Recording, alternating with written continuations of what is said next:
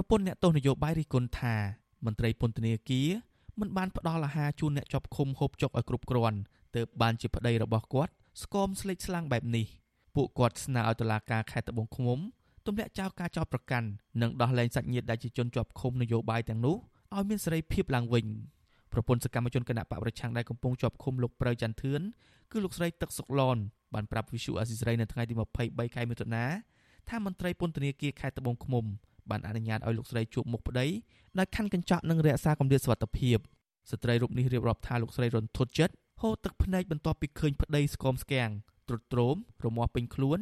មុខស្រពាប់ស្រពោនក្រៀមក្រំនឹងភ្នែករូងដោយសារតែការហូបចុកមិនគ្រប់គ្រាន់និងមានវិបត្តិផ្លូវចិត្តលោកស្រីស្នើសុំឲ្យតុលាការទម្លាក់ចោលការចោទប្រកាន់និងដោះលែងប្តីលោកស្រីឲ្យមានសេរីភាពឡើងវិញព្រោះគាត់មិនបានប្រព្រឹត្តខុសដោយការចោទប្រកាន់នោះឡើយចង់ជួបក្រុមគ្រូសាណាឃើញក្រុមគ្រូសាចូលទៅគាត់ទឹកភ្នែកទៅចូលខ្ញុំជាប្រពន្ធហ្នឹងក៏ខ្ញុំខ្វល់ខ្វាយពីគាត់ទុកសាប្រកាសទៅក្នុងនោះមិនដែលឃើញពំភ្លឺថ្ងៃដូចទៅវិញមិនដែលឃើញកូនឃើញប្រពន្ធក៏ឃើញម្ដងគាត់ស្ក់ទឹកភ្នែកទៅចូលចាខ្ញុំសូមសាលាការជួយទៅធေါ်ឲ្យមាន ដោយចៅក្រមដោយបោះត្រង់នឹងជាតិខ្មែរឲ្យដឹងខុសឲ្យមិនត្រូវខ្ញុំទុកតែប៉ុណ្ណឹងស្តៀងគ្នានេះដែរប្រពន្ធសកម្មជនគណៈបកប្រឆាំងម្នាក់ទៀតលោកអ៊ុំយេតគឺលោកស្រីងួនផល្លាថ្លែងថាលោកស្រីបានចូលទៅសួរសុខទុក្ខនិងផ្ញើបាយមហូបដល់ប្តីក្នុងពន្ធនាគាររាល់ថ្ងៃច័ន្ទអង្គារនិងពុធប្រពន្ធសកម្មជនបកប្រឆាំងរូបនេះថ្លែងទាំងក្តុកក្តួលថាជាង4ខែមុនប្តីលោកស្រីមានសុខភាពនិងរាងកាយមាំទាំប៉ុន្តែពេលនេះប្តីលោកស្រីបែរជាស្គមកាត់ជំងឺលើសឈាមនិងជំងឺក្រពះ លោកស្រីយល់ថាប្តីរបស់គាត់មានសភាពបែបនេះទំនងដោយសារហូបអាហារមិនគ្រប់គ្រាន់ក្នុងពន្ធនាគារគួរណាតាដោះលែងគាត់លោទុកគាត់ទៅទៅទៀតឥឡូវគាត់គាត់ណាជាប់6ខែស្រកចង់ចិត្ត10គីឡូតាមស្មានចុះលំមកមកទុកគាត់ទៅទៀតទៅដឹងស្រកប៉ុណ្ណាអាចមានគ្រោះថ្នាក់នៅពន្ធនាគារមិនអាចអ្នកណាទទួលខុសត្រូវបានទេចាស្នើតុលាការសូមឲ្យដោះលែងគាត់ឲ្យនៅក្រៅឃុំឲ្យមានសេរីភាពដូចគេឯងវិញមកតុលាការខេត្តត្បូងឃ្មុំនឹងប្រកាសសារក្រមលើសំណុំរឿងរបស់សកម្មជននយោបាយ និងសកម្មជនដីធ្លីសរុប14នាក់នៅថ្ងៃទី30ខែមិថុនាក្នុងចំណោមនោះ8នាក់កំពុងជាប់ឃុំក្នុងពន្ធនាគារខេត្តត្បូងឃ្មុំនិង6នាក់ទៀតកំពុងរត់គេចខ្លួនអ្នកជាប់ឃុំទាំង8នាក់មាន6នាក់ជាសកម្មជនបកប្រឆាំងនិង2នាក់ទៀតពួកគេជាតំណាងសហគមន៍កសិករនិងសកម្មជនដីធ្លីតុលាការចោទប្រកាន់ពួកគេផ្សេងផ្សេងគ្នាពីបទផ្ដាំគំនិតសំគំនិតនិងញុះញង់បង្កឲ្យមានភាពវឹកវរធ្ងន់ធ្ងរដល់សន្តិសុខសង្គមអាជ្ញាធរបានចាប់ខ្លួនពួកគេជាបន្តបន្ទាប់ ចាប់តាំងពីចុងឆ្នាំ2020រហូតដល់ខែមករាឆ្នាំ2021ដោយសារតែរឿងពាក់អាវដែលមានពាក្យថាអគុណសន្តិភាពតែត្រូវគោរពមាត្រាទី2នៃរដ្ឋធម្មនុញ្ញនិងការប្រមូលផ្ដុំគ្នាតវ៉ានៅមុខស្ថានទូតចិននៅរាជធានីភ្នំពេញអំឡុងពេលខួបកិច្ចព្រមព្រៀងសន្តិភាពទីក្រុងប៉ារីស23ដុល្លារជុំវិញរឿងនេះអ្នកនាំពាក្យអគ្គនាយកដ្ឋានពន្ធនាគារលោកនុតសាវណ្ណាលើកឡើងថាខាងពន្ធនាគារបានអនុញ្ញាតឲ្យគ្រួសារអ្នកជាប់ឃុំអាចយកម្ហូបអាហារថ្នាំពេទ្យនិងសម្ភារៈផ្ញើឲ្យសាច់ញាតិបាន។ លោកបញ្ជាក់ថាកន្លងមកមន្ត្រីពន្ធនាគារតែងតែយកចិត្តទុកដាក់លើបញ្ហាសុខភាពអ្នកជាប់ឃុំ មកដល់ពេលនេះយើងអត់ទាន់មាន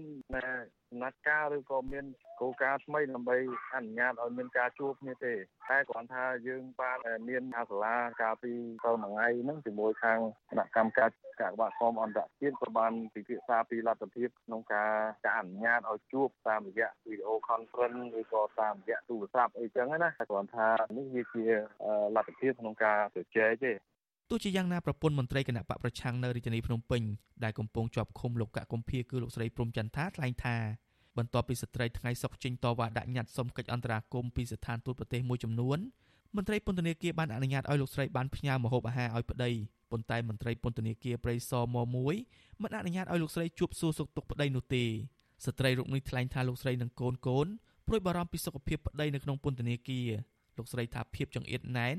ពុំមានអនាម័យនិងប៉ះពាល់ដល់សុខភាពអ្នកជាប់ឃុំជាពិសេសការឆ្លងរាលដាលនៃជំងឺ Covid-19 ត្រីពួកខ្ញុំមិនអាចនៅស្ងៀមបានទេអាប្តីពួកខ្ញុំអត់កំហុសទៅខ្ញុំត្រូវទៀមទាខ្ញុំត្រូវតែទៅដើម្បីរដំណោះស្រាយដើម្បីឲ្យមានដំណោះស្រាយដោះលែងខុនពួកសាពួកខ្ញុំមកវិញព្រោះគាត់អត់កំហុសផងហើយយកផុសប្តីពួកខ្ញុំទៅហើយខ្លាំងខ្លាយមើលគាត់ក៏មានក្រុមគ្រួសារខ្ញុំក៏មានក្រុមគ្រួសារហើយបើសិនជាបាក់បែកក្រុមគ្រួសាររបស់ខ្ញុំទៅគាត់គិតយ៉ាងម៉េចគាត់ក៏ចេះស្រឡាញ់ពុនកូនហើយខ្ញុំក៏ប្តីខ្ញុំក៏ចេះស្រឡាញ់ពុនកូនដូចគ្នាដែរអញ្ចឹងខ្ញុំត្រូវតែដើរទៅគ្រប់ស្ថានទូតតកតងនឹងរឿងនេះនាយករងទទួលបន្ទុកផ្នែកសិទ្ធិមនុស្សនៃអង្គការលីកាដូលោកអំសំអាត មានប្រសាសន៍ថាការដែលមន្ត្រីពន្ធនាគារមិនអនុញ្ញាតឲ្យក្រុមគ្រួសារអ្នកជាប់ឃុំចូលទៅសួរសុខទុក្ខនិងផ្ដល់អាហារបានប៉ះពាល់ដល់សុខភាពអ្នកជាប់ឃុំព្រោះចំណីអាហារនៅក្នុងពន្ធនាគារពុពុំមានជីវជាតិគ្រប់គ្រាន់ដើម្បីធានានូវសុខភាពល្អនិងរឹងមាំនោះទេម្យ៉ាងទៀតសង្គមស៊ីវិលតែងតែទាមទារឲ្យខាងពន្ធនាគាររកវិធីសម្របសម្រួលការទំនាក់ទំនងរវាងក្រុមគ្រួសារនិងអ្នកជាប់ឃុំដើម្បីអនុញ្ញាតឲ្យពួកគាត់ដឹងពីសុខទុក្ខគ្នានិងដោះលែងពួកគាត់ឲ្យមានសេរីភាពឡើងវិញ។ ការដោះស្រាយនូវភាពចង្អៀតណែនពន្ធនាគារហ្នឹងទី1គឺស្ថាប័នតុលាការដែលគួរតែពិនិត្យមើលហើយទី2ក្រសួងពាក់ព័ន្ធដូចជាក្រសួងយុទ្ធភ័ពនិងក្រសួងមហាផ្ទៃដោយបច្ចុប្បន្នយើងឃើញនៅក្រសួងយុទ្ធភ័ពដែលកំពុងធ្វើសេចក្តីព្រៀងមួយតាអ្នកដែលចិត្តផុតទោសឲ្យនៅក្រៅឃុំភ្ជាប់ដោយលក្ខខណ្ឌអីជាដើមប៉ុន្តែយើងចង់បានតកតងនឹងរឿងឃុំខ្លួនបដិហាសន្នរឿងជំរុញលឿននីតិវិធីឲ្យលឿនការជំនុំរះហើយក៏ដូចជាពិនិត្យចារណាទៅលើអ្នកជាប់ឃុំផ្សេងទៀតជាអត្តភាពកន្លងមកមន្ត្រីសិទ្ធិមនុស្សរបស់អង្គការសហប្រជាជាតិរួមទាំងមូលនិធិអង្គការសហប្រជាជាតិសម្រាប់កុមារឬ UNICEF ធ្លាប់បានជួបមន្ត្រីពាក់ព័ន្ធរបស់កម្ពុជាកាលពីដើមខែមិថុនានេះបានជជែកពីកង្វល់និងមធ្យោបាយដោះស្រាយភាពចង្អៀតណែនក្នុងពន្ធនាគារនិងភាពងាយរងគ្រោះដោយសារតែការឆ្លងរាលដាលនៃជំងឺ Covid-19 របាយការណ៍របស់អង្គការ Liga do កាលពីចុងឆ្នាំ2020រកឃើញថាក្នុងចំណោមពន្ធនាគារចំនួន18ដែលអង្គការនេះបានឃ្លាំមើល គឺមានពន្ធនាគារចំនួន17ដែលដាក់មនុស្សលើសពីទំហំផ្ទុកពី3ទៅ4ដង អង្គការដដែលថាភាពចង្អៀតណែនដ៏លំបាកនេះបានបង្កើតឲ្យមានស្ថានភាពកាន់តែអាក្រក់ដូចជាអសវត្ថភាពគ្មានអនាម័យនិងអមនុស្សធម៌